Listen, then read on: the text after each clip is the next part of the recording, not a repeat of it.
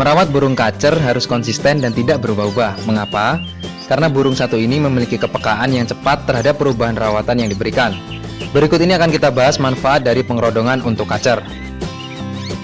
Yang pertama adalah menaikkan emosi kacer. Dengan melakukan pengerodongan pada kacer bisa meningkatkan emosi si kacer, apalagi jadwal pengerodongan dibuat lebih rutin. Suhu udara di dalam sangkar akan tetap hangat dan dapat meningkatkan emosi si kacer. Yang kedua adalah melindungi si kacer dari ancaman. Pengerodongan yang dilakukan tujuan utamanya adalah untuk melindungi kacer dari udara dingin dan serangan hewan lain yang dapat membahayakan si kacer. Dengan melakukan pengerodongan, kacer akan lebih terlindungi. Yang ketiga adalah agar kacer istirahat. Untuk kacer lomba butuh waktu istirahat yang cukup saat di rumah agar stamina tetap terjaga.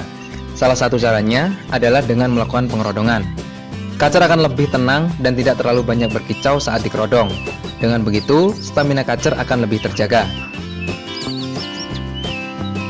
Oke guys, itulah tadi pembahasan tentang manfaat pengerodongan untuk kacer. Pada intinya adalah kacer wajib kita kerodong guys. Baik itu kacer lomba ataupun kacer rumahan. Oke, semoga dapat bermanfaat ya guys.